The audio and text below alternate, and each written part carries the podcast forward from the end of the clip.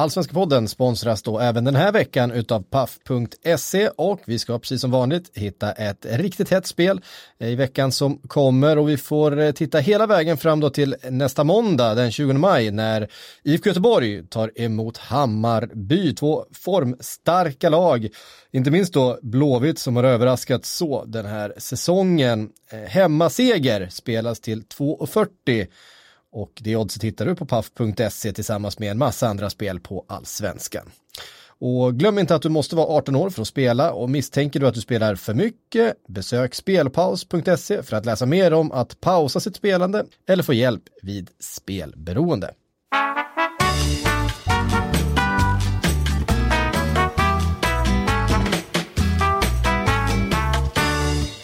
Välkomna till Allsvenska podden som görs i samarbete med Robert Laul och Per Boman. Det är jag som är Laul och det är du som är Boman. Hej Per! Hej! Idag ska vi utse vårens topp och flopp i allsvenskan. Vi ska snacka Stockholmsderbyt. Vi ska prata om tidernas mest missnöjda serieledare. Vi ska snacka Hammarbys växande segerrad och en del Häcken, Östersund och en hel del annat. Men vi börjar som vanligt med veckans spaning. Har du något Per Boman? Nej, noll och intet. Noll och inte till spaningsväg. Det betyder att ansvaret återigen landar på mig att riva av en spaning. Och det var väl i och för sig ganska enkelt just den här veckan då. Eh, jag tänkte reflektera lite kring supportrarnas protest mot polisen. Eh, jag har ju varit med så länge att jag minns när det var medierna som var fotbollsmördare. Det var efter en krönika av Simon Bank när AIKs supportrar bröt en match och stod och skakade i Råsundas galler. Jag fick under flera år försvara mig mot att media var fotbollsmördarna på den tiden. Och sen var det 2011 då det initierades en supporterprotest mot SVFF. Då ekade SVFF fotbollsmördare mellan klackarna på arenorna. Eh, då körde man också med tio tysta minuter. Och det visade sig senare att det här var lite firmainitierat. Och nu är det då polisen som är fotbollsmördarna så jag tänker lite vilka är det nästa gång? Är det politikerna? Det är väl de som är kvar.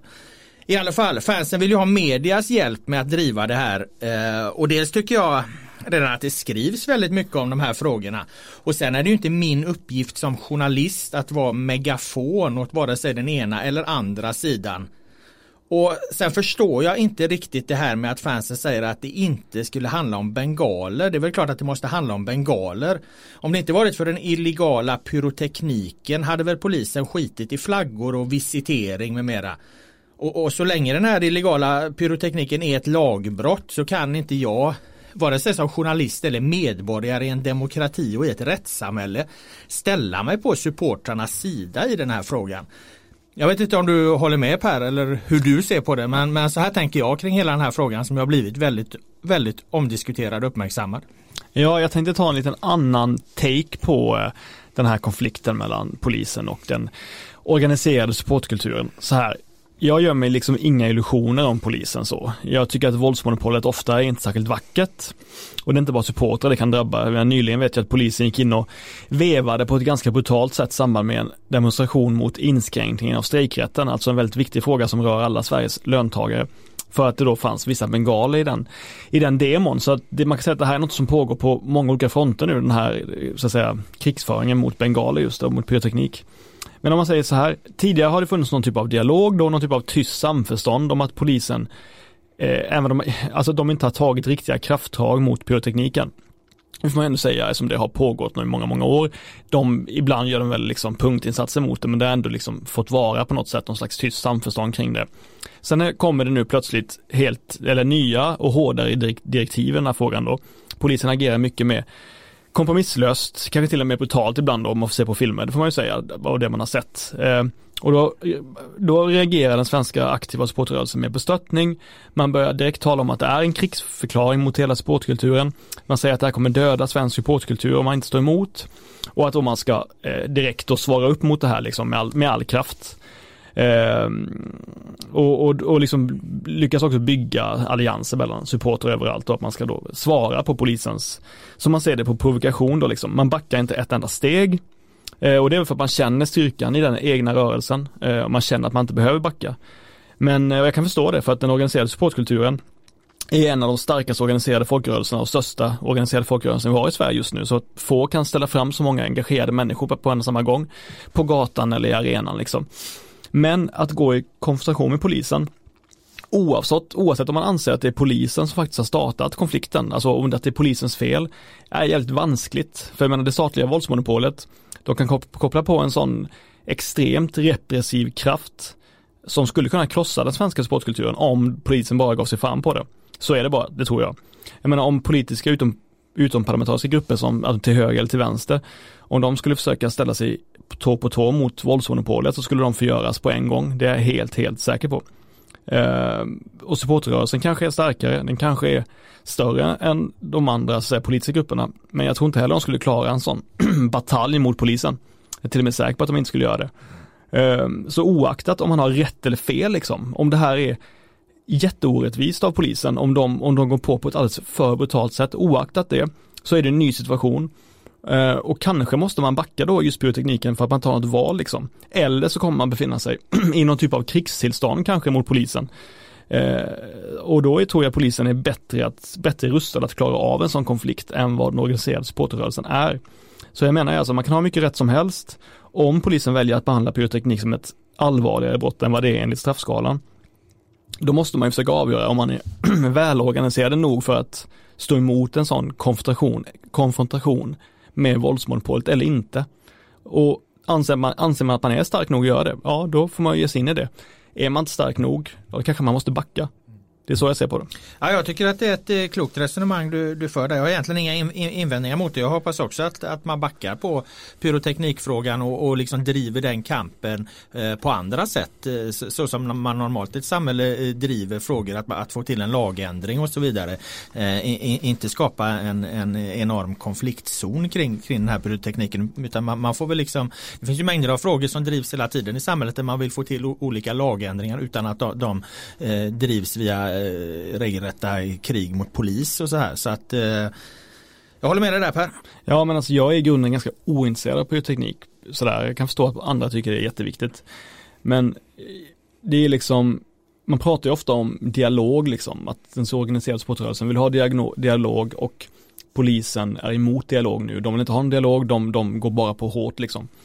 Men vad är det man själv kan tänka, om man nu får den här dialogen med, med polisen, vad är det man kan själv tänka sig att kompromissa med? Mm. Vad kan man tänka sig att ge upp för att skapa en bättre dialog med våldsmonopolet eller ordningsmakten? Men sen är ju inte det sant heller för att jag menar polisen, eh, man kan säkert ifrågasätta polisens dialog men det finns ju i alla fall, de uttalar sig, de pratar om det medan de, de grupperingar inom svensk fotboll, det vet ju både du och jag som sysslar med bengaler och pyroteknik, de diskuterar överhuvudtaget inte, de, de, eh, de kommer inte ens vi åt och kan prata med och ställa frågor till, de är inte med en del av debatten, eh, det är ju en, ligger ju en, som en del i deras liksom kultur att nej, vi ska inte prata med, med medier och vi ska inte prata med, med några andra i princip. Så att eh, eh utan de har ju massa nu då andra som för deras talan så att säga SFSU och så men det blir ju liksom inte riktigt trovärdigt när det liksom inte är den den direkta parten som håller på med, med den här pyrotekniken som, som är, är en del i debatten. Det är väl, har varit länge ett väldigt stort problem att de har någon slags attityd att nej men vi ska minsann inte uttala oss. Det där är ju liksom barnsligt kan jag tycka.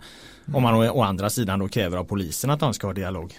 Ja, men jag tycker knäckfrågan är, är man beredd att gå liksom i clinch med en så att säga, kompromisslös polismakt för bengal eller inte liksom?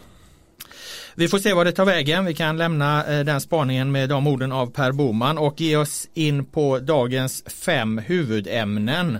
Och eh, där har vi då det som jag rubriksatte som vårens topp och flopp. Och man kan väl nästan säga att eh, matchen mellan IFK Norrköping och IFK Göteborg som Blåvitt då vann med 2-1 är en match som kan stå monument över den allsvenska våren 2019. Allsvenskans mest positiva överraskning besegrade årets hittills största flopp. Köper du beskrivningen Per?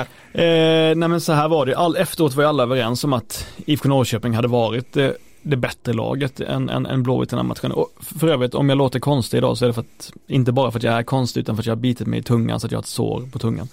Eh, nej, men, men jag tycker att eh, att Jens Gustafsson eh, var rätt smart med sin taktik ändå liksom. Jag tycker jag förstod vad han ville göra när han flyttade upp Alexander Fransson och Simon Tern mycket högre upp i, i banan för att Eh, dels få med dem involverade mer i farliga ytor eh, och sen ta in Torinsson lite mer som, som släpande eh, sittande innermittfältare som skulle liksom rensa upp. Eh, jag tycker att de fick ett bättre offensivt passningsspel. Jag tycker att de sårade med de ytorna som de vill såra i. Eh, och jag tycker också att de helt stängde av Blåvitts uppbyggnadsspel på ett sätt som jag var imponerad av.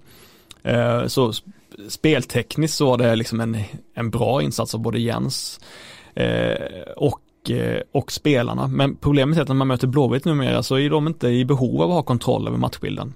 Även fall de misslyckas med pressspelet, även fall de misslyckas med det egna passningsspelet, det låga egna passningsspelet, så är inte de, så är det ingen katastrof för att vi vet ju att de är helt galet vassa i omställningsspelet. Jag måste säga att jag är Alltså de vann boll sällan i rätt ytor, alldeles mycket mer sällan än vad de gjort tidigare under säsongen.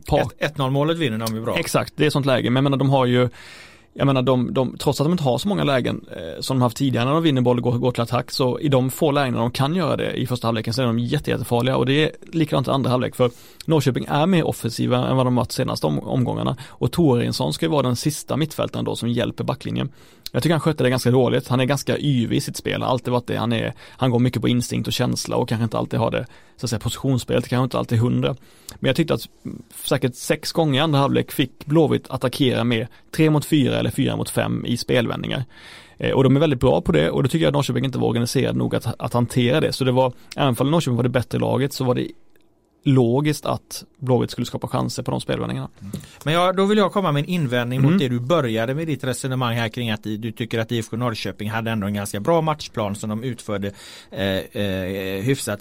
Jag tycker att de kommer ju till alldeles för få ja, ja. avslut på sina Absolut. anfall. Alltså att mm. de, de eh, vi, vi, hade en diskussion här om, eh, ja då var ju Norrköping också inblandade i när de mötte Djurgården och, och ledde mot Djurgården och eh, Djurgården visar det här stora tål, tålamodet. Eh, de får eh, tryck tillbaka en motståndare, de kommer med sina inlägg, det ger inte resultat eller målchans varje gång men de försöker hela tiden, hela tiden. Alltså Norrköping når ju aldrig den liksom fasen egentligen i sitt spel. Däremot varenda jävla gång de satte ett inlägg så blev det ju livsfarligt. Jag, försök, jag förstod aldrig riktigt varför man inte överdrev det eh, när man ändå får så pass bra betalt. Man gör sitt mål på ett inlägg, man skapar en, en eh, farlig chans på hörna i första halvlek på inlägg. Man har en, eh, en nick i stolpen eller en boll som går i stolpen där efter ett inlägg. Man, man har liksom Kalle Holmbergs nick som, som Anestis, Blåvittmålvakten, räddar med släpande fötter mm. och så vidare och så vidare. Men men det är ju inte så att man överdriver inte det här liksom. Man har inte särskilt många distansskott heller. Eh, utan jag får hela tiden känslan av att de vill spela lite snyggare i den här matchen än vad de egentligen klarar av och bör, bör, göra. De försöker hitta en svårare lösning när de kommer i närheten av målet. Särskilt deras forwards då. Ja men det är en jättebra poäng. Det var framförallt Norrköping var ju mycket farligare på fasta och på inlägg än vad de var på så att säga det, det levande kortpassningskombinationsspelet som de tycker om så mycket. Och jag tycker väl att, jag tycker faktiskt att mittfältet var bättre än tidigare, både, både Tern och Fransson, så jag vill säga att det nog, och även eh, de ovana wingbacksen Lars Krogarsson och Simon Skrabb gjorde ett helt okej jobb. Mm. Så jag tycker nog att det var anfallsparet som, som du säger, som var den absolut svagaste lagdelen i Norrköping igår. Jag tycker Nyman tar initiativ med djupledslöpningar, får inte bollen så ofta.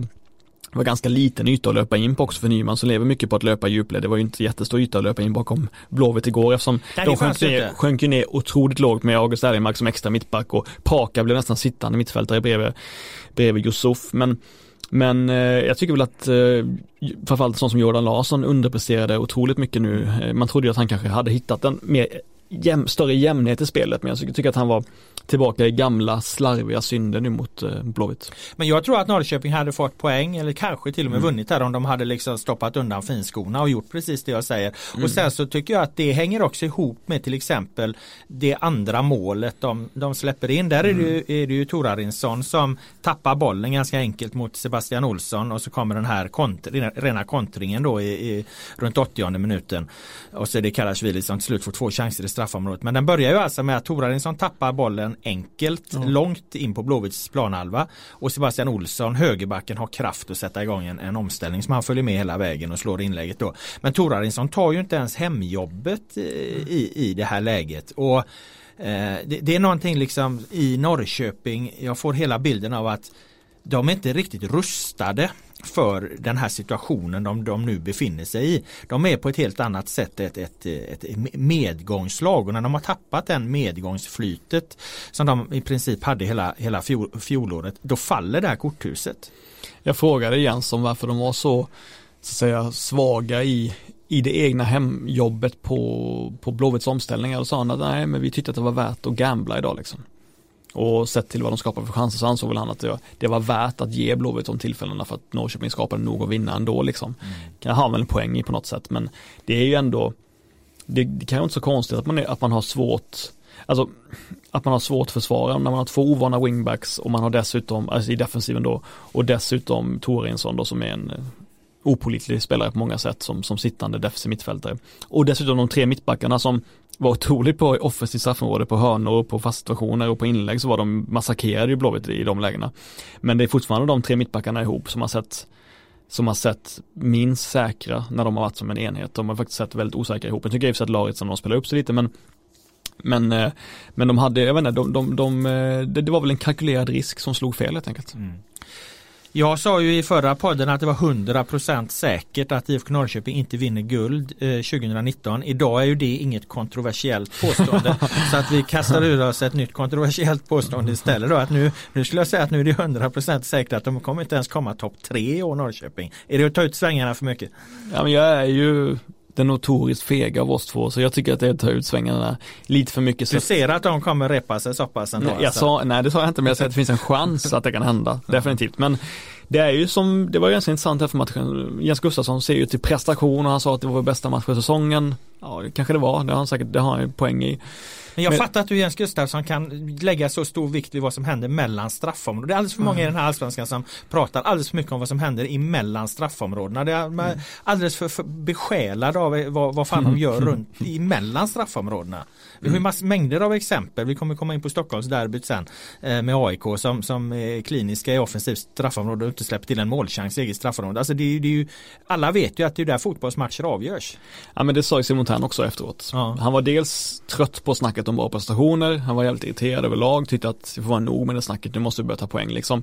Och så sa han just det att vi är alldeles för dåliga i båda straffområdena. Mm. Ja, jag hörde det på tv och, och han apropå Thern, vi hade, du och jag hade en diskussion här om mm. hur mycket man kan lita på en spelares analys direkt efter matchen. Mm. Tern sa att han eh, kan inte riktigt stå och analysera den här matchen tio minuter efteråt. Men däremot så om det var det han sa också då med, med straffområdena där, då gör han ju faktiskt en korrekt analys även om han inte riktigt vet om det. Eh, I alla fall så ger han en, liksom en, en bild av att en del tränare fortfarande fokuserar för mycket på vad som händer mellan straffområdena. Så får man ju säga att det var ju en eh, en styrka då för Blåvitt, trots att de var så svaga i det egna spelet igår så att de inte blir desperata eller oroliga när de tvingas falla tillbaka. Förra året så tror jag absolut inte att de har varit i närheten att klara en sån eh, belägring som, som ändå Norrköping eh, Norrköping belägrar ju de stundtals så det tror mm. inte jag Blåvitt hade klarat av förra året överhuvudtaget. Men nu är de så pass pragmatiska och så pass De kände att nej men vi är sämre på att äga bollinnehav än vad Norrköping är, men då faller vi tillbaka. Jag tycker att det var Nej men jag, eh, jag är imponerad av att de aldrig blev, fick panik eller blev rädda liksom någon gång under matchen. Det säger någonting om att de har en inre styrka. Ja vi kan väl glida över då i Göteborg där för nu har vi pekat ut eh, IFK Norrköping då som eh, vårens flopp även om du ser att det finns en chans att de eh, lyfter sig här framöver. Vilket jag har svårt att se. Eh, till eh, vårens topp då IFK Göteborg den största positiva överraskningen står ju nu inför en ren seriefinal mot eh, Malmö FF och det var ju väl eh, ingen som hade räknat med efter premiärförlusten mot, mot AFC 1-3. Eh, vi har ju pratat en hel del om Blåvitt eh, i tidigare i podden och analyserat dem fram och tillbaka hur de spelar och så, så det behöver kanske inte gå in i. Men, men ser du något nytt? Du som är på plats på matchen eh, mot Norrköping. Ser du något, något nytt att de växer ytterligare i och med segern mot Norrköping? Gör de någonting som du inte hade sett tidigare i den matchen? Ja, det var väl just den tryggheten i att ligga lågt, tryggheten i att, de har varit bra med spelvändning hela tiden, men jag tycker att det fanns en trygghet i det egna försvarsspelet. En eh, eh, pragmatisk vilja att ställa om det egna, det egna spelet när det inte funkade till en början. Att just att eh, Erlingmark tar ett större steg neråt och ställer sig mellan mittbackarna och blir en tredje mittback i, i defensivt spel. Att Paka går ner ännu mer när han känner att den, när de känner att deras offensiva press inte fungerar, liksom deras kamikazepress, då, blir de, då blir de, tar de ett steg tillbaka istället och försöker täcka ytor. Och det var jävligt jobbigt tror jag för dem, men jag tror ändå att det var bra att de gjorde det. Och att det finns en ödmjukhet i laget. Efteråt så var alla övertydliga med att de varit, hade varit dåliga. Alla tryckte på att Norrköping var ett bättre lag eh, än oss den här matchen, men att vi tack vare eh, individuell spetskompetens i målvakt och i våra anfallsspets ändå vann liksom. Och jag tycker att det tyder på en, eh, menar, en bra självbild. Mm. Uh, vi kanske inte har snackat så mycket om Anestis målvakten, vi har pratat mm. om det på andra håll en, hel del. Men, men uh, det var ju en, en, sak om man tittar på fjolåret kontra i år då. Det var ju en sak som Göteborg hade problem med i fjol. Uh, att att man saknade den tryggheten som en, en bra målvakt kan ge. Sen har Anestis hittills inte liksom förrän i den här matchen egentligen briljerat med, med den typen av räddningar som han gör nu. Eh, men, men, jag tror det ligger väldigt mycket i att han, att han, att, eh, han skapar det som är så väldigt, väldigt viktigt för en backlinje att känna att man kan lita på sin målvakt. Det tar bort så många onödiga situationer och, och, och backlinjen kan på ett helt annat sätt eh, koncentrera sig på sitt och veta att ja, eh, motståndarna måste göra något jävligt extra för att få in bollen. Vi, vi kommer liksom inte bjuda, vi har inte en målvakt som kommer bjuda på, på, på några onödiga ytor eller så. Det finns ett exempel där Starfelt är på väg att förlora en löpduell. Starfelt var också jävligt bra, men han är på mm. väg att förlora en löpduell mot Nyman tror jag det är. Och det är absolut inget givet läge för Anestis att komma ut där men han kommer ändå ut och, och, och nyper bollen framför fötterna på, på Nyman. En sån grej till exempel. Där hade det mycket väl kunnat bli ett friläge i fjolåret. Det, det där skulle jag säga är en konkret skillnad att man man har fått in en erfaren målvakt som absolut inte är allsvenskans bästa målvakt. Det, inte, det påstår vi inte. Men, men, men, det, är en, det är en grundstabil och trygg och bra målvakt som har varit med på högre nivåer och, och liksom är från Grekland och hetsat upp sig över sakernas tillstånd så mycket. Enig. Så att eh, det där är en grej som vi inte har lyft så, så mycket i, i den här podden. Eh, sen är det klart att eh, nu har inte jag fått de exakta siffrorna men det är ju ett bollinnehav skulle jag tro på någonstans runt 60% till IFK Norrköping mot, eh, mot 40% för, för IFK. Och så har det ju sett ut i, i många av deras matcher. Eh, så att jag, jag, tror inte det är egentligen inte bara i, de här, i den här matchen de är, är, är bekväma att spela så utan det, det, har de egentligen varit i år. Mm. Ganska bekväma med att spela när de inte har bollen. Mm. Ja, det. Och det tror jag att de kan bli en, allt, allt mer bekväma i. Mm. Det, det, det, är något, något, någonting de absolut kan utveckla ännu mer. Mm. Och eh, nu blir det ju att, de, att, de, att, de blir, att det blir så stor skillnad som 40-60 bollningar, det tror jag också handlar om underlaget. Det är svårare med deras höga återerövringspress. De vinner inte lika mycket på det. Nu vinner de i och för sig första målet på det kan man säga. Det, det, det är en effekt av det. Men eh, det är svårare på eh, ett konstgräs att få så betalt för en hög press. Du kommer inte lika nära in på i pressen. Eh, det blir enklare för motståndarna med bollmottagningar och så vidare. Så att det går liksom inte heller att, att spela så på, på eh, plastgräs. Nu har de Malmö FF i, i en seriefinal och, och, det är ju på gräs på, på Gamla Ullevi då. Jag kommer nog säkert sätta Malmö under en, en jävla press. Särskilt om de såg Malmö FFs match mot Elfsborg för det var precis vad Elfsborg gjorde. Exakt och det kan vi komma in på senare men det som är intressant med den här matchen är också att Malmö kommer sakna både Bachirou och Christiansen och mm. det är ju mm. speciellt just, just nu när, när Blåvitt kommer sätta den farten mot deras innermittfält, se ifall de klarar av det. Du skrev avslutningsvis då om IFK Göteborg i vårens topp hittills att Blåvitt är på riktigt. Eh, gjorde du en match för tidigt eller? Så de får stryka nu med 3-0 mot, eh, mot Malmö. Har du eller menar Nej, du men, på riktigt att de, är, att de är i toppen för att stanna så att säga? Nej, på riktigt menar jag att de eh, inte alls säkert kommer vara topplag hela året utan snarare att de kan eh, prestera och ta poäng även när spelet inte sitter liksom. Det tyckte jag var det, det var det jag menade när jag sa att det var på riktigt. Jag tycker att det säger någonting om den inre styrkan och karaktären på laget i att de inte får just panik när Norrköping så stenhårt dominerar bollinnehav och matchbild. Och jag såg liksom ingen, jag såg ingen ängslan i Blåvitt även fall lagdelarna inte riktigt fungerade ihop liksom. Och det tycker jag säger någonting om eh, att de har en, eh, en helt annan trygghet numera. Då lämnar vi det ämnet och glider över till eh, Stockholmsderbyt för vi har ju haft ett sådant också i den här omgången och det tilldrar sig alltid en stor uppmärksamhet. Eh, dock inte lika stor som vanligt kanske. Jag eh, då som har varit borta två år från Allsvenskan blev lite förvånad över eh, att eh, det var lite drygt 21 000 åskådare mot, med en kapacitet på eh, drygt 27. Men det kanske är så här det ser ut på Stockholmsderbyna när det är Djurgården som har hemmaplan nu för tiden eller var det en anmärkningsvärt låg siffra? Ja men Djurgårdarna själva tycker att det var en väldigt dålig siffra. Så Mm. eh, det får man säga att det var då en anmärkningsvärt låg siffra. Det är särskilt sett som att laget ändå ja, totalt sett stått för en ganska bra vår. Eh, så är det ju dåligt bara. Tänker man i, som Djurgårdssupporter att äh, de förlorar ändå alltid derbyna? Det tror jag inte, för de vann ju ändå ett cupderby så sent som i, innan säsongen liksom. Eh, Så det tror jag inte. Jag tror bara att de eh, ibland kan ha svårt att locka marginal Eh, åskådarna fortfarande. Mm.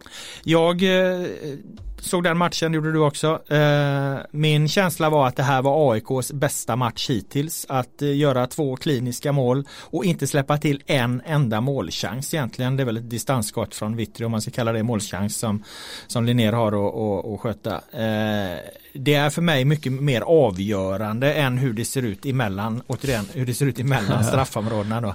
Ja, de har inte, då har vi inte mycket att prata om i så fall om, om vi bara ska prata om straffområdena. Men jag, Nej absolut inte men, men vi, vi måste ha med det som en mer Mm. avgörande del än, eh, än ex, vad, exakt vad fan som händer mellan straffområdena också. nej, men eh, jag förstår vad du menar. men Jag tycker väl kanske inte det. Jag ska, om jag ska, var de bättre då? Ehm, ja, när var de bättre? När fan var de? Nej du kan inte bara googla här nu. Nej, jag måste Det- de kolla- ju jag måste kolla de- spelschemat. De, de har ju vunnit över Häcken med 1-0 hemma. Ja, nej, det var ingen supermatch. Nej. Långt och de har vunnit mot Sirius med 2-1. Nej. Nej Och de har då. vunnit mot AFC med 2-1.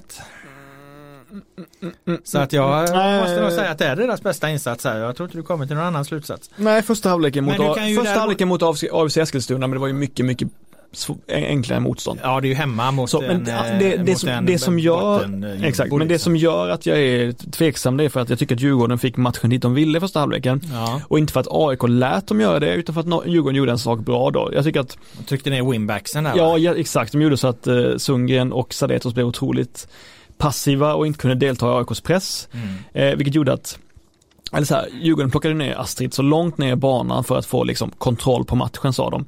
Eh, och få äga bollinnehav eh, samtidigt som deras egna ytterbackar pressade högt. Det gjorde att det fanns ocean av yta liksom för Djurgårdens tidiga passningsspel. Egentligen fick så här fyra, fem spelare syssla med att spela, spela bort Lane och Goitons press.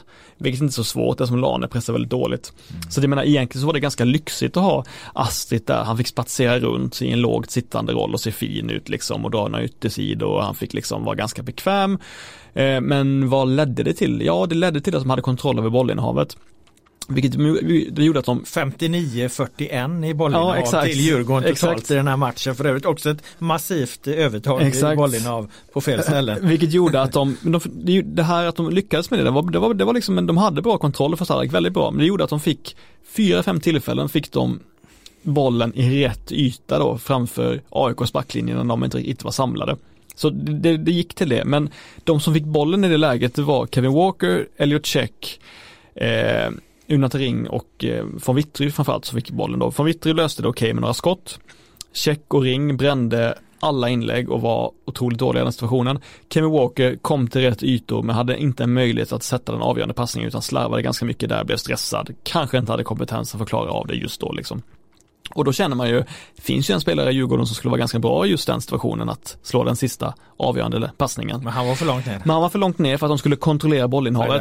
alltså. Exakt, Astrid. Och det är ju lätt att säga i efterhand. Jag frågade Lagerlöf om det och sa han jo, jo, men det var värt och man kan, kan inte vara på två ställen liksom. Sådär, det var värt att ha honom där nere. Men jag tror att de hade, eftersom AIK inte var bra, eftersom deras pressspel inte fungerade, så tror jag att Karlström hade löst det alldeles utmärkt på egen hand utan Astrid så långt ner. Är jag ganska säker på. Eh, inte säker på, jag tror det i alla fall. Eh, så jag, jag, eh, jag menar, jag, jag förstår hur de resonerade men jag tyckte att det var onödigt.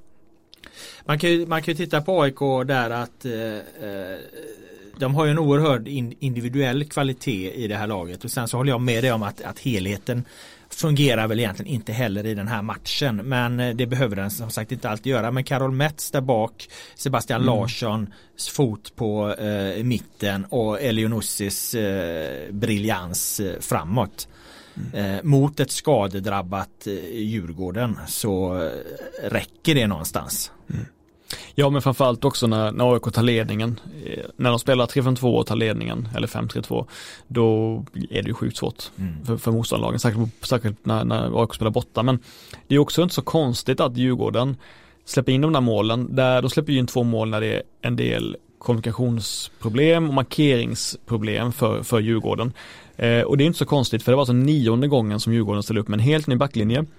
Eh, jag tror inte det går att ställa upp med en ny backlinje i match efter match eh, på det sättet utan att, utan att det händer den här typen av individuella misstag. De har alltså aldrig ställt upp med samma backlinje två gånger i rad. Och det tror jag kan förklara en del av kommunikationsmissarna. Ja, absolut. Eh, jag har en ganska klar bild av de två målen de släpper in. Alltså, båda mål, AIKs mål blir någon slags, eh, någonstans en diskussion om vad ska man lägga tonvikten på? Ska man lägga tonvikten på AIKs individuella briljans eller ja. ska man lägga tonvikten på, på, på Djurgårdens snedsteg så att säga? Om man kollar på första målet så är det ju en jättebra passning av Ado.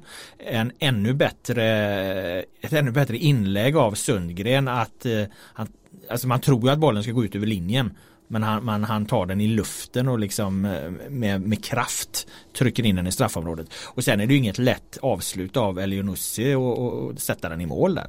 Eh, så att det är ju det, det är ju tre eh, på varandra följande bra individuella prestationer. Och då ska man ställa det mot att Vittry antingen tror han att bollen kommer gå död så han blir stillastående och sen när inlägget kommer, ja då reagerar han men då är han redan för sen att komma upp i, i och ens störa Elionossi. Så att där är ju Vittry ett problem, där agerar han dåligt. Han står på hälarna i straffområdet på ett sätt som han inte kan göra. Eh, andra målet där fick Vittry skit i, eh, i simor studion av Alexander Axén för han menar på att, att Vittry ska stänga Elionossis löpning när, när Larsson sätter den långa frisparken. Men eh, det är på liggande boll, ingen press på bollhållare och, och det är långt, Larssons frispark är långt från mål så att jag tycker snarare att det är mittbackarna som ska sjunka i det läget. Mm. Eftersom avslutet sker ju väldigt, väldigt långt ifrån Vittry. Ska han komma över med en, med en löpning hela vägen dit? Nej, det håller jag inte med om utan jag menar det är ett zonspelande försvaren då någonstans så lämnar man ju över det och framförallt så ska ju mittbackarna sjunka i det läget. Men man kan ju också ställa det, vad är det för passning Larsson slog? Den är ju helt fantastiskt ja. exakt. Vad är det för löpning han tar? Vad är det för avslut han tar i, i full fart? Så där har du återigen den individuella briljansen då ställt mot ett tveksamt agerande. Däremot tror jag att, att det är klart att AIK inför den här matchen har tryckt på att Djurgården har inte bara inte sitt mittbackspar. De har ju dessutom en mittfältare som mittback. Vi ska, det här här mm. måste vi försöka utnyttja liksom. Vi måste, vi måste konsekvent på något vis försöka utnyttja att eh, det kommer tas felbeslut där. Och det kan ju vara en sån sak som ligger i bakhuvudet på Sebastian Larsson. Han vet att han har bra högerfot. Han vet att Djurgården inte har sitt mittbackspar. Då chansar man och sätter en sån här grej. Och, och så får, får man till det på ett väldigt fint sätt. Ja, men jag är helt enig. Bra genomgång av målen. Eh, behöver vi titta framåt kring AIK och eh, Djurgården där? Matcherna duggar ju oerhört tätt. Djurgården ja. behöver ju få tillbaka sina spelare och få, eh, få liksom en kontinuitet precis som du är inne på. Och de har varit oerhört skadedrabbade. Eh, jag tycker det var en bedrift av dem den korta tid de ledde allsvenskan för redan då hade de en massa skadeproblem. Men, men i längden går det ju inte och, och jag menar ska det fortsätta så här så kommer det bli en förlorad säsong för dem om de inte kan spela med sina bästa spelare för sån eh, jäkla bred trupp har de ju inte. Och framförallt har de inga alternativ. Nu har han förvisso varit frisk men Buya Turay kommer bort helt i den här matchen och, och där finns ju inte ens något att byta in egentligen. Jag är ju faktiskt, jag vill nog säga en sak om Buya Turay. Jag, jag mm. alltså Ja, han, han ser ofta klumpig och lite märklig ut när han ska göra de avgörande sakerna. Men det är för att han är så jävla trött när han väl får de chanserna. Jag tycker att han faktiskt gör ett ja, får säga storartad arbete mot tre mittbackar i AIK. Jag tycker han försöker löpa in i rätt ytor. Jag tycker han tar extremt många jobbiga dueller mot AIKs mittbackar där de är nära, nära och tappar bort honom vid flera tillfällen.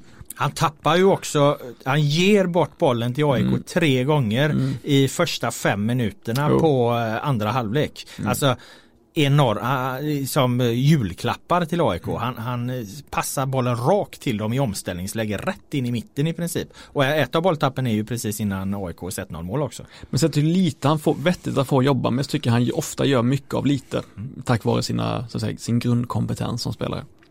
Men skit i det. AIK då, bästa matchen hittills enligt mig. Du var tvungen att hålla med om det. Är de igång nu då? De pratar mycket om att nu blir det samma som förra året. Nu ska de till Helsingborg här spela, spela en tung match på Olympias eh, tunga gräs där. Nu är de ju inget konstgräslag så de eh, lider väl inte av det på det sättet. Men, men eh... Nej, jag tycker inte man kan säga att de är 100% igång. Nej. Jag tycker första halvleken visar på att det är eh, individuell kvalitet snarare än ett så att säga samhandling mellan lagdelarna som, som gör att det blir en seger i den här matchen. Då lämnar vi Stockholmsderbyt med det och eh, Djurgården AIK och eh, går över på eh, matchen Malmö FF Elfsborg. Matchen då som inleddes inför tomma läktare, inte tomma läktare men klackarna var inte på plats så att det var ju tyst och, och eh, allmänt eh, märkligt. Eh, och jag vet inte om det, om det satte matchbilden för att ett tag undrade jag om Malmö spelare också deltog i den här aktionen för han svarade för en väldigt, väldigt svag start. Och Marcus Rosenberg sa ju en rolig grej, i, han är väldigt bra på att uttrycka sig, i pausintervjun så sa han att eh, eh det var dåligt mot Falkenberg men det här var ännu sämre och då ledde de ändå med 1-0 Malmö FF. Vilket för mig in på, och de vinner till slut matchen med 4-1, men det för i alla fall mig in på mot bakgrund av diskussionerna som har varit efteråt och innan att det här måste vara den mest missnöjda serieledaren som allsvenskan någonsin har haft. Herregud vad de gnäller på allting i Malmö. Först supportrarna då förstås, men nu också liksom tränare och spelare och jättebesvikna efter de har vunnit med 4-1. Är det inte bra att ställa höga krav på den egna prestationen? Jo, det kan man väl alltid tycka, men eh, jag tycker det går till överdrift. Jag tycker inte de är så himla dåliga som alla påstår. Så, eh, alltså, återigen, eh, fotbollen avgörs i, i straffområdena. De släpper inte till särskilt många målchanser. Alltså, eh, strukturen i Malmö FF är ju att motståndarna har oerhört svårt att skapa chanser mot dem. Elfsborg fick väldigt mycket cred för sina första 30 minuter fram till den här utvisningen på, på Simon Olsson och andra gula kortet. Eh, Apropå Simon Olsson, ja. det var ju, jag fick ju fråga från några, några programställen vad jag såg, jag såg på honom och då sa jag att jag var inte helt övertygad om att han kommer bli en stor spelare. Ja, ska du ta det som intäkt nu, nu, nu, nu är det ju hårt att döma honom honom för det, men jag vill ändå känna att jag är lite rätt Han var ganska bra faktiskt mm. fram till han där. Men i alla fall, eh, jo men Elfsborg var absolut eh, bättre första 30, jag håller, så länge de var 11 mot 11. Jag håller med om att Elfsborg spelmässigt emellan straffområdena var det bättre laget. Men vad får de ut av det? Ja, de hade en frispark och det var Cibicki som slog den. Och det eh, Dalin räddade, det var en halvfarlig retur liksom. Det är ungefär vad de får ut av, av det att de Innan utvisningen menar du då? Ja innan utvisningen ja. när de är det bättre laget. Så de får inte ut särskilt mycket av det här. Eh, och de är det bättre laget, dels för att Malmö som sagt ser ganska såsiga ut i början av den här matchen. Det är helt dödstyst där på arenan och, och, och de får liksom aldrig något eh, go i det direkt. Eh, och de blir väldigt störda av Elfsborgs pressspel apropå hur IFK Göteborg förmodligen kommer spela på, på Gamla Ullevi mot Malmö så blir de väldigt störda av att Elfsborg är extremt aggressiva.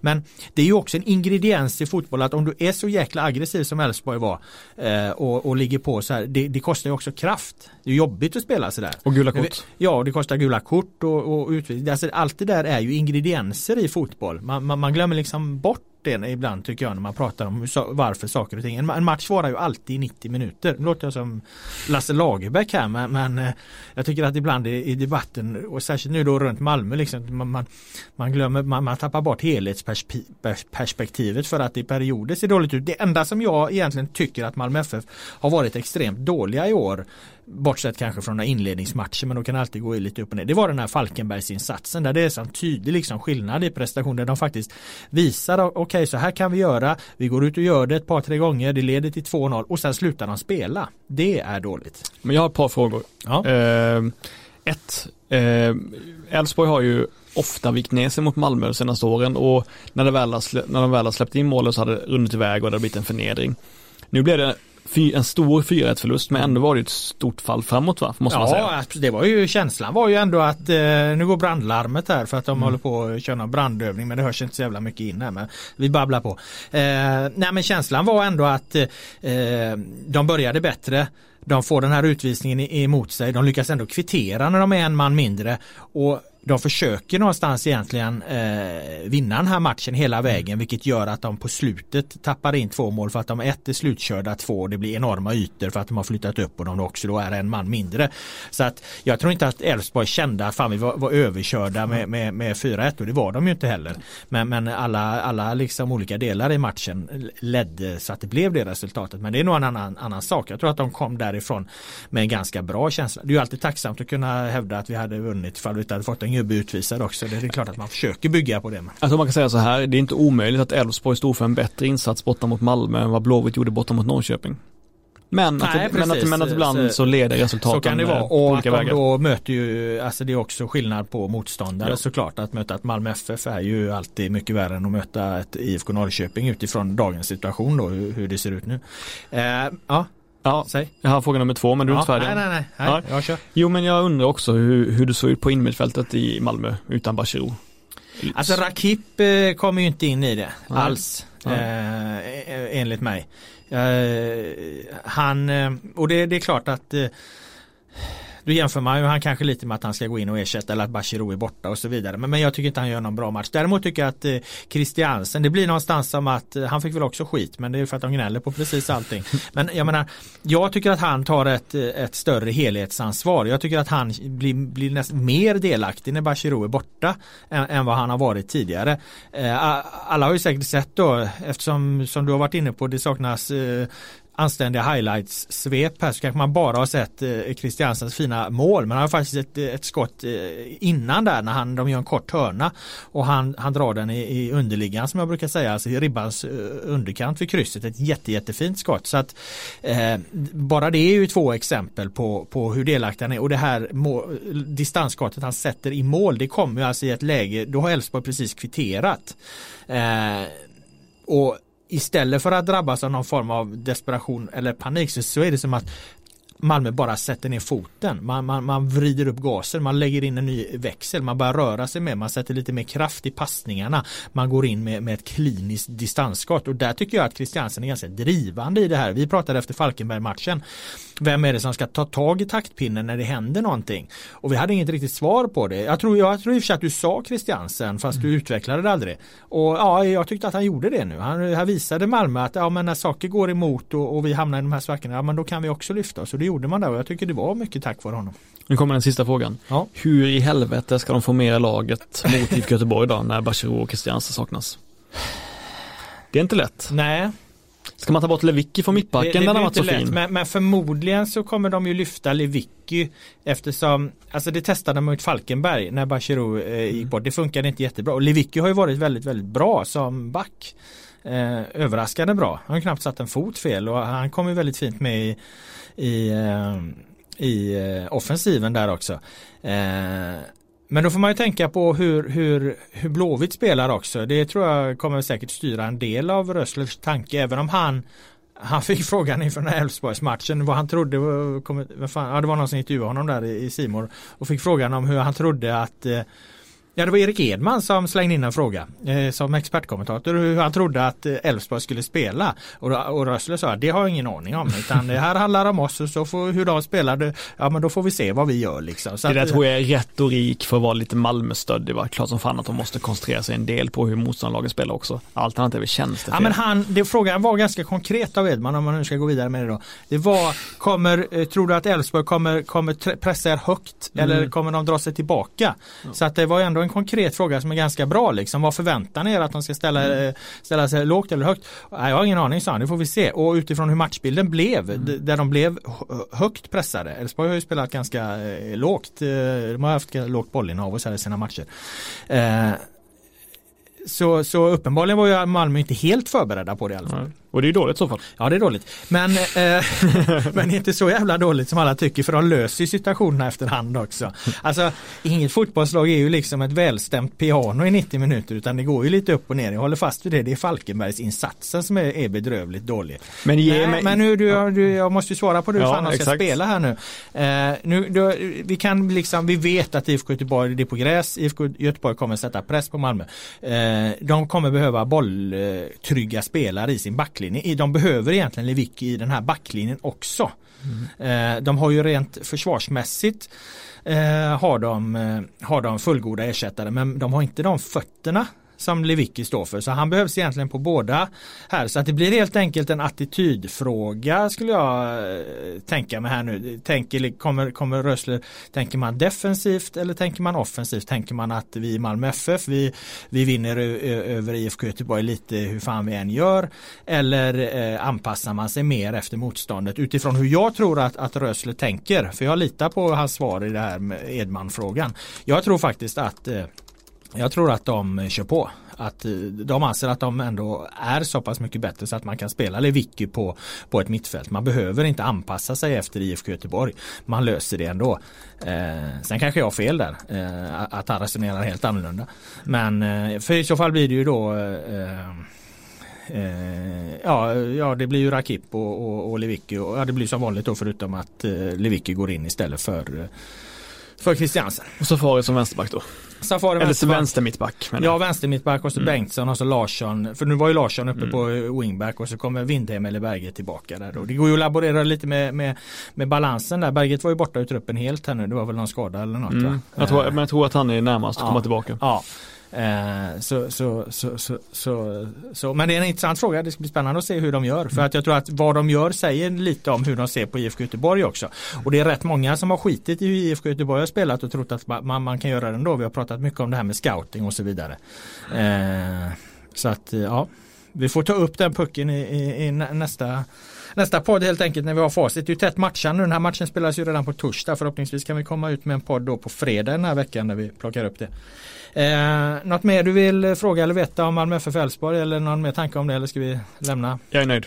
Du är nöjd? Då går vi vidare till Hammarbys växande segerrad. De har ju, om jag då inte har räknat helt fel, tre raka segrar här nu.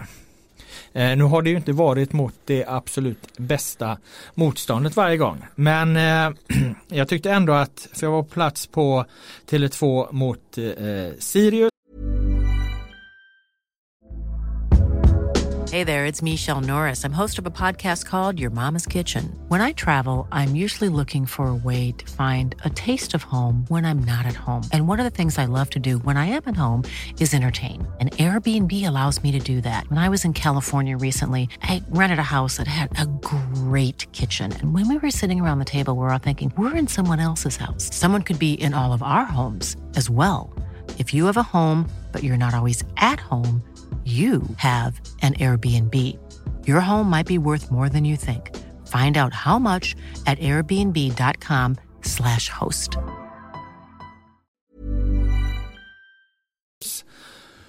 Och det som slog mig i den matchen är ju också att man ser en, en utveckling i Hammarby. Vi har pratat mycket om deras offensiv. Jag har varit inne på att de kanske har renodlat och allsvenskans bästa offensiv och Henrik Rydström, Sirius tränare, blev intervjuad på innerplan inför den här matchen och han eh, på frågan om Hammarby sa han att Hammarby är bäst i allsvenskan på att ta sig in i motståndarnas straffområde.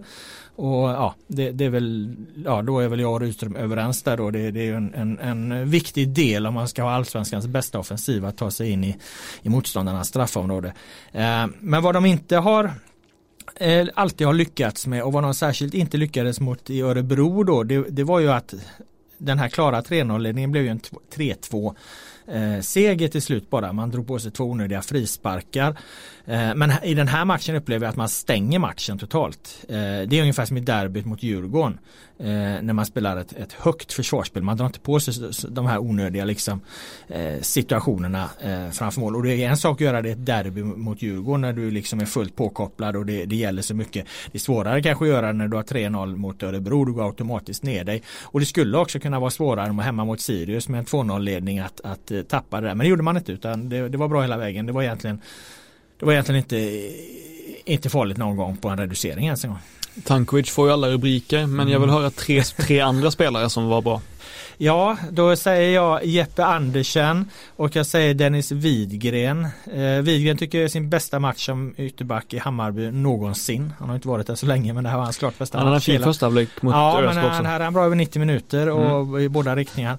Eh, Jeppe Andersen, eh, jättefin i sin då lilla eller sin comeback eller vad man ska säga, han var inte med matchen innan.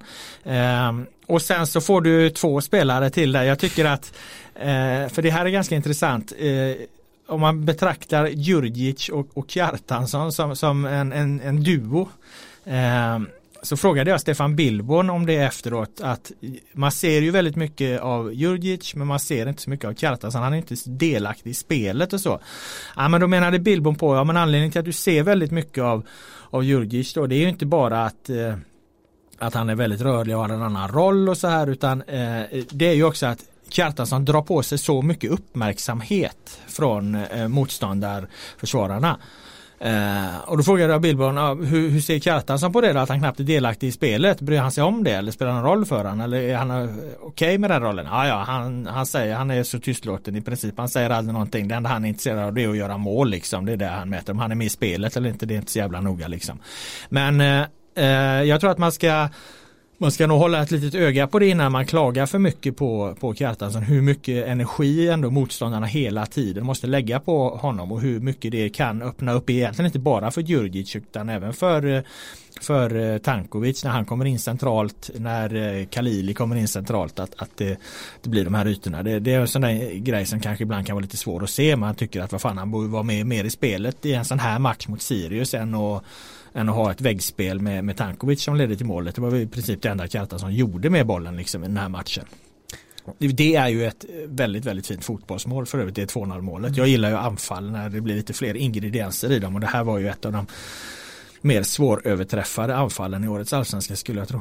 Man ska ju inte vara, man ska, man ska inte vara en dysterkvist men, men jag tänker så här att eh, känns inte jävligt tråkigt att, att Hammarby kommer förlora Kjartansson Eh, mm. efter sommaruppehållet eh, och, och, när allting funkar så bra med den här offensiva fyran.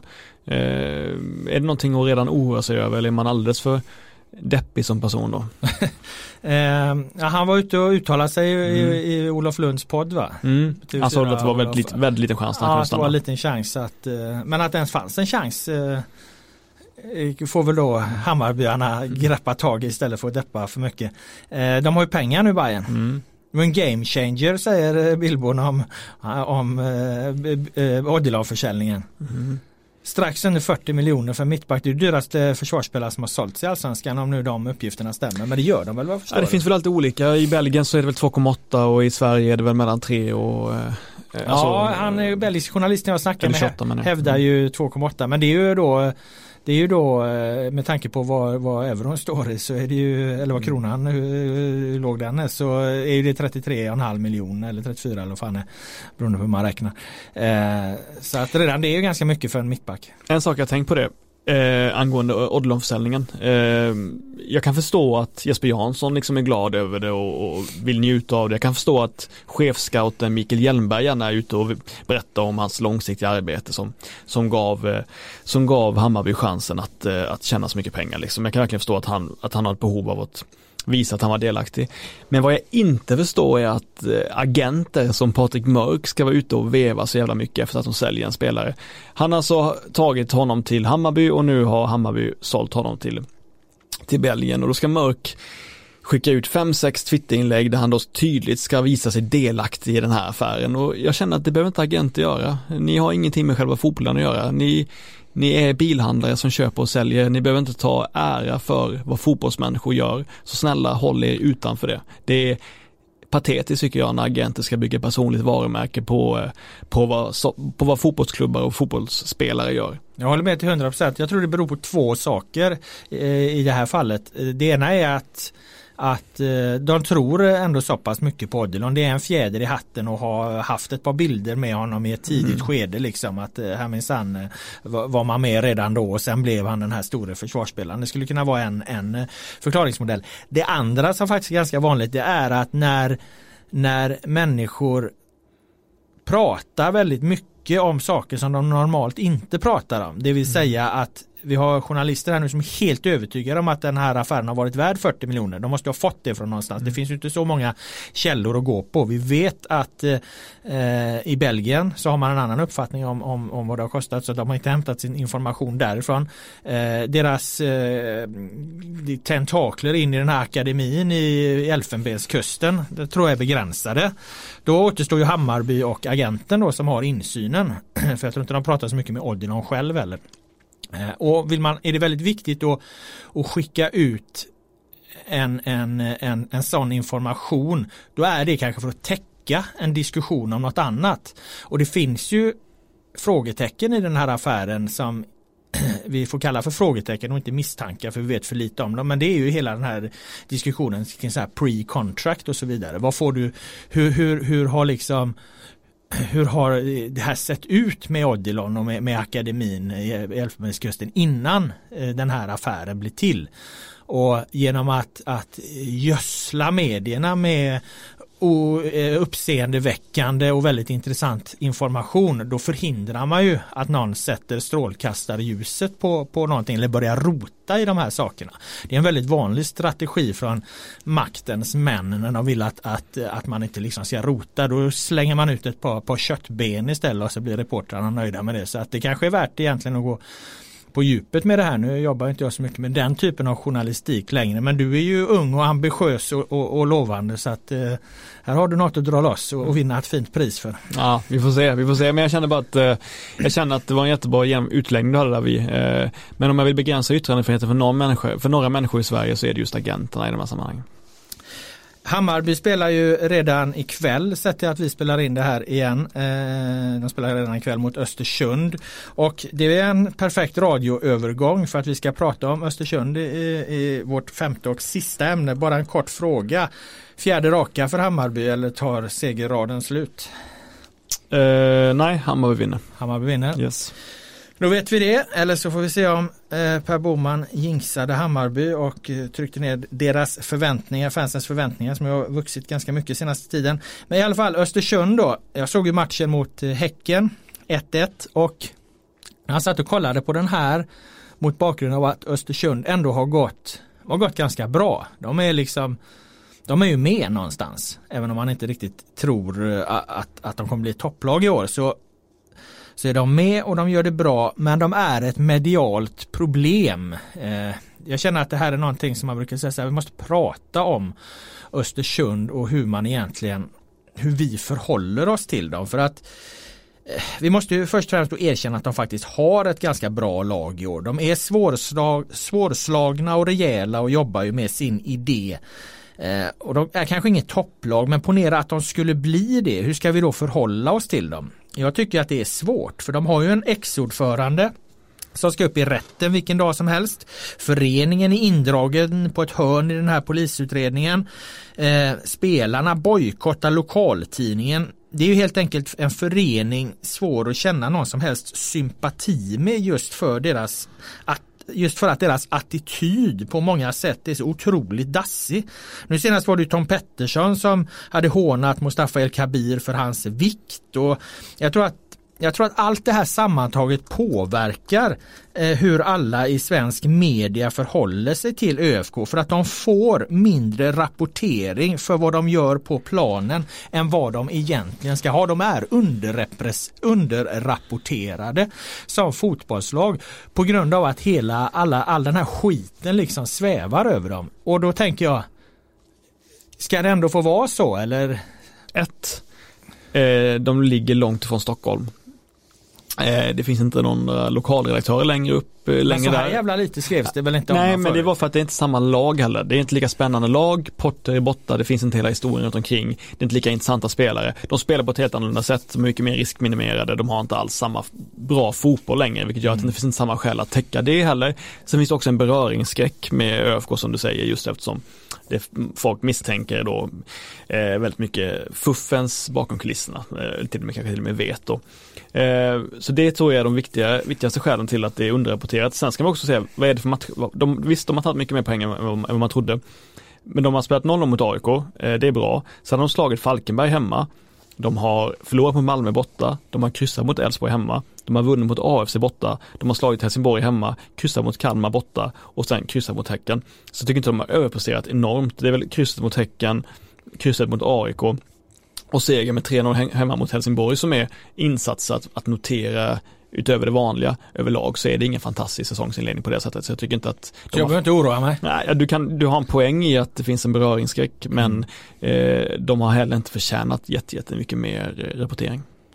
Jag ska ändå sätta ljuset på dem eh, för jag såg den här matchen mot Häcken och den var ganska intressant för det var två lag som verkligen var trogna sina, jag ska inte säga det blir för högtravande att kalla att de var trogna sin fotbollsfilosofi men de var i alla fall väldigt trogna sin matchplan för att Häcken ställer sig jättehögt och vill inte låta Östersund rulla igång bollen. Eh, Östersund vägrar i princip att ändå slå en lång boll utan försöker spela sig igenom eh, eh Häcken till varje pris. Använder sin målvakt ganska ofta här. Sixten Molin, de hade ju andra målvakten eh, enormt fina fötter alltså. Det, det var eh, ett av de tydligaste exemplen jag någonsin har sett på att eh, en målvakts spel med fötterna, hur avgörande det kan vara för att han tar alltså hand om upp, uppspelen. Slår liksom en, en, en, en skuren passning 30-40 meter på bröstet på, på Östersundsspelare och så bygger de därifrån förbi genom rätt igenom. Alltså en keypass, en nyckelpassning som vi brukar tjata om. Det får man ju säga att Molin var ju fantastiskt bra även borta mot Kalmar så att det ja. kanske är så att de har fått en ny första målvakt och han är ju en gammal supertalang från Malmö FF så det är ju inte orimligt om han har Nej, nått en högre nivå. Men Keita har ju fått en del kritik så men när jag tittar på han via Instat så, så ligger han på jävligt höga siffror där. Så att, eh, I och för sig just när det gäller kommer till att bedöma målvakter så tycker jag det där verktyget är lite svajigt faktiskt. så att, eh, ja, Eh, kanske är som du säger. Nej men i alla fall, det är väldigt trogna sin matchplan då att de till varje pris ska spela sig igenom den här pressen. Och eh, det gör ju också att eftersom Häcken är lika trogna sin matchplan fastän de blir överspelade ett par gånger så ligger de kvar med den här höga pressen. Och vad händer då? Jo, då är de ju ganska tunna bakåt. De har en helt nykomponerad eh, vänsterförsvarssida med Hammar och Arkivo som har gått in där för att Lindgren har varit väl avstängd och, och Arkivo är tillbaka i startelvan då. Och, och så att utifrån den här vänstersidan där det inte riktigt funkar för Häcken där kunde Östersund skapa ganska mycket och, och, och, som sagt då var de jävligt utdragna, jävligt långa Häcken så att det fanns mycket gott om ytor att spela på. Men de struntade, de låg, låg kvar med de här höga pressen. Och vad händer en bit in i matchen? Ja då vinner ju Erik Friberg en boll högt upp mm. när Östersund försöker eh, med sin eh, och spela sig ur situationerna och Häcken verkligen ska pressa dem högt. Ja då vinner Friberg eh, bollen och får den till Jeremejeff som rullar in 1-0. Ett jätteenkelt fotbollsmål.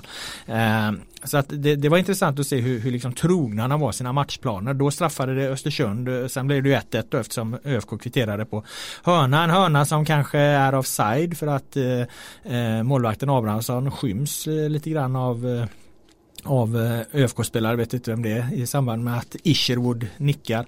Eh, samtidigt så är den jävligt lurig den där regeln liksom när man ska beräkna liksom siktlinje och bollbana och, och var han står när det träffas och så. så att, ja. Jag tänkte, jag tänkte överhuvudtaget inte på det när jag såg matchen. Och jag tror inte att det var någon diskussion i, i tv alls om det. Och jag vet fan om Häcken ens protesterar mot det. Men jag fick en bild skickad till mig tagen bakifrån mål och man såg att det var ett utdrag från någon form av kamera som har varit där. Så att jag antar att det här måste vara någon bild som på Häckenvägar har hamnat hos mig. Liksom. Det var väl också, ja, det var Häcken som hade helt unika bilder på Paulinho ja, också. Ja exakt, så, så de har ju sina egna jävla spionkameror och de har uppenbarligen utspridda över hela Sverige då eftersom de har en spionkamera även uppe i Östersund då som de har liksom har ankrat i något äh, läktartrappsteg där så den inte ska upp, upptäckas. Så att det här måste liksom då ha gått från officiellt Häckenhåll via en bulvan och sen ner i min mailkorg då för att detta ska få spridning. Så att jag vet inte vem som är hjärnan bakom den planen om det är vår vän Andreas Alm eller någon annan. Men eh, det kunde absolut eh, varit offside där. Så får man ju säga. Eh, nej, så det var en intressant match ur, ur, ur det perspektivet. Sen dör den lite i andra halvlek och 1-1 var väl någonstans eh, någonstans ganska rättvist ändå. Så jag vet inte om vi kan dra så många stora slutsatser mer av just eh, den matchen och eh, eh, den analysen än att jag jag tycker väl någonstans att Häcken ska få ut mer. De har så många bra offensiva spelare men de, är inte, de, de, de kändes inte riktigt skarpa i den här matchen. Det är klart det var kallt och jävligt där uppe, så alltså det var ju snudd på minusgrader men, men de var inte riktigt skarpa i avsluten. Nej men eh Å andra sidan 1-1 borta mot ÖFK får väl vara ett godkänt resultat. Ja, för... någonstans är det ju det liksom. Och eh, någonstans var det väl kanske det de kände också. Men hade de varit skarpare i avslutet i den här matchen så, så, så tror jag de har tagit alla tre poäng där. Eh, det om Häcken, eller Östersund-Häcken. Eh, det var våra fem ämnen. Vi har några läsarfrågor innan vi ska stänga igen butiken för den här gången. Mm. Eh, vi har fått från eh, Tony Ernst, den gamla supporterordföranden mm. eh, som eh, skrev till mig på Twitter undrar om Al-Hassan Yusuf är vårens största utropstecken i allsvenskan, alltså IFK Göteborgs mittfältare. Ernst undrar också hur långt han kan gå. Vi har redan placerat honom i Real Madrid om fem år, eh, lite med glimten i ögat men eh, men ehm, ja, och jag tänkte på att Ernst helt plötsligt blandas in med den här frågan. Jag tänker att han är en passionerad MFF-supporter. Han vet att det är en viktig match för dörren. Jag tänker att han genom den här, ställa den här frågan också vill skapa någon form av hybris hos IFK Göteborg. Att nu ska vi liksom höja upp Al-Hassan Yusuf till skyarna i samma veva som Al-Hassan Yusuf faktiskt gör lite svagare insats mot IFK Norrköping. Är det för konspiratoriskt tänkt mot den gode Ernst där? Eh, ja, det är det. Men, men eh, du har rätt i det senare ledet av ditt svar. Och jag, för Al-Hassan gjorde faktiskt en klart mycket sämre insats mot Norrköping än vad gjort tidigare. Han blev också hårt pressad av bland annat Simon Thern och mm. Alex Fransson. Jag tror att han missade kanske en av fyra passningar i uppbyggnadsspelet och det är ju livsfarligt såklart när man har den rollen som han hade. Han slog den rätt i gapet på Fransson ja. där när han kan ställa om. Men så spelar ut den till, till Jordan Larsson som slarvar bort det läget som var helt oduglig också. Men jag tror att, jag tror att, de, jag tror att han kanske, han missade säkert 5-6 eh, passningar i farliga lägen. Så att eh, alla, och som var en jättefin enskilda aktion och sådär såklart. Men, men Barney kom in och han är inte mycket bättre. Jag höll på att sätta nej. en etta på honom. Men ja. han fick en tvåa för att han spelar kort tid. Men jag bara menar att det, det känns nästan skönt att Yusuf kunde göra en lite sämre insats för att annars blir man liksom, det är, det är svårt att ta in annars att någon går in och är så fantastiskt bra hela tiden. Så att det, det, det, det är mänskligt helt enkelt. Eh, en annan eh, Malmöit här då, de var aktiva eh, den här veckan. De vill att vi ska lyfta Oskar Lewicki mer. Eh, har vi inte lyft honom Ja, vi har ju lyft honom enormt mycket. Vi har ju sagt att han har varit eh, felfri som, som vänster mittback i trebackslinjen och eh, och sagt att han har verkligen blomstrat igen där. Han har ju varit mittback förr också och alltid varit bra som det men nu är han ju otroligt bra som en av tre särskilt i uppbyggnadsspelet också så att eh, jag tycker att vi har gett han den kärleken han förtjänar. Mm. Jag fick ett eh, läsar, två eh, har jag tänkt redovisa, två läsarmail också. Ett var långt och handlade om hur IFK Göteborg kunde få högre betyg. Jag satte ju plussen då på Göteborg och Norrköping. Hur kunde IFK Göteborg få högre betyg än IFK Norrköping när alla var överens om att IFK Norrköping var det bättre laget? Tänkte mm. du också så när du läste mina betyg Per Boman? Nej, för jag känner igen lite hur man resonerar som reporter. Och det kan ju du berätta om. Ja, alltså eh, betygen är ju, för det första är betygen, eh, det, det ska man väl säga, de är, brukar alltid säga, det är ett diskussionsunderlag. eh, och, och det diskussionsunderlaget brukar tendera till att hamna i något slags resonemang om någon skulle haft två eller tre eller tre eller fyra. Det är liksom aldrig så hur fan kunde ni sätta etta på han som ska ha fyra utan det, det är ofta väldigt små saker som diskuteras. Så att det är väl först och främst ett diskussionsunderlag. Men eh, överlag är det väl så återigen att det som händer emellan straffområdena värderas eh, mindre i en betygssättning utan det är de avgörande prestationerna egentligen som, som värderas. Och att IFK Göteborg har ju ett par spelare här, Sebastian Olsson får 3 plus. Han kanske hade fått 2 plus om han inte hade tagit den här omställningen i 80, minuten och slått inlägget till Karasvili som ger, ger, mål. Det är klart att det, det, blir en matchavgörande prestation. Så där får ju han ett, ett, ett extra plus så att säga då, 2 till 3. Eh, Benjamin Nygren är inblandad i båda målen assist till det första och hockeyassist till det andra. Eh, utöver det har han mängder med bolltapp. Han får tre plus fastän han kanske skulle någonstans haft två plus utan de här eh, målavgörande insatserna som han inblandade i spelet kanske han var två plus. Lite samma är det med Paka Lagemyr som gör en jättebra inledning på matchen och gör ju IFK Göteborgs mål men faller ju bort ur matchen sen. Han ligger på tre plus kanske spelmässigt skulle haft två så att det blir ju lite och målvakten givetvis eh, matchavgörande räddningar eh, får ju han fyra plus han är den som får bäst då. Medan du på samma enligt samma logik så drar du ner lite då alltså IFK Norrköpings forwards har ju väldigt låga betyg. Även om Nyman gör en del, hel del bra grejer men han gör dem väldigt långt från mål. Han är ju aldrig liksom inblandad i några, i alla fall väldigt få situationer där han egentligen ska vara och göra bra saker. Eh, Larsen, mittback på samma sätt ser ju, ser ju liksom felorienterad ut vid IFK Göteborgs eh, få anfall och då, då sänks hans betyg till en etta då fast han kanske liksom är bra på fasta situationer då i spelet. Så, så att det hänger helt e-, enkelt ihop med det att vi tar hänsyn till eh, matchavgörande prestationer. De andra typerna av bedömningar de gör man ju via Instat. Där ser man ju exakt vad, vad spelarna har gjort bra och dåligt. Det är ju en annan typ av bedömning som vi redovisar i andra sammanhang då. Men, men det är ju inte samma som plusligan. Nej, och det, men man får säga också det är ju en, en tävling också och man är ju väldigt nöjd om man kan hitta höga betyg i laget som förlorar också eftersom det känns intellektuellt hederligt. Ja så är det ju. Mm. Och äh, även om man kan hitta låga till exempel Toraren som blir underkänd mm. då för att han äh, tappar bollen och inte tar hemjobbet. Då blir det ju ett plus på honom. Mm. Alltså för att det blir en sånt, sånt avgörande misstag. Sen kanske han var två plus i spelet i övrigt. Vi har nårat ut det. Eh, vi har fått ytterligare ett läsarmail då som sagt och det läser jag upp för att ge en liten annan bild av, av vad vi också får för reaktioner till oss eh, när det liksom i supporterkretsar och så säkert verkar som att alla tycker exakt likadant eftersom de mest högljudda rösterna ofta hörs högst. Men här fick jag ett mail efter derbyt Djurgården Eh, AIK, hej! Varför reagerar ni journalister inte på bengalhysterin? Tycks numera vara regel i alla Stockholmsmatcher. Till exempel gårdagens match mellan AIK och Djurgården var ju rena dimman för oss tv-tittare. Så här kan det inte fortsätta. Märkligt att både ledare och spelare bara accepterar detta ofog. Eh, utifrån hur eh, det är formulerat och att han då eh, beskriver att han såg matchen framför tvn så, så, är ju ingen person som står i klacken det här. Utan det kanske till och med tillhör det äldre gardet. Men jag menar de här åsikterna finns ju också kring fotbollen och jag tycker att alla röster bör höras. Ja, det, det har du gjort en insats för, eh, ska vi säga, eh, bredden i rapporteringen. Det var en för övrigt eh, på Twitter också som undrade om vi gör skillnad på var det bränns en bengal och var det sker pyroteknik. Det var, jag tror det var göteborgare som tycker att det blir större rubriker i Göteborg än när det sker på ett Stockholmsderby. Finns det en sån liksom, gör vi skillnad på folk och folk så att säga? Det finns ingen sån konspiration, nej. Hepp. Då stänger vi den butiken och vi stänger hela den här butiken och eh, eh, jag tackar dig Per Boman som var här med dina kloka synpunkter och åsikter som vanligt. Eh, jag tackar alla er som har lyssnat och Allsvenska podden är förhoppningsvis tillbaka redan på fredag igen. Ha det så bra!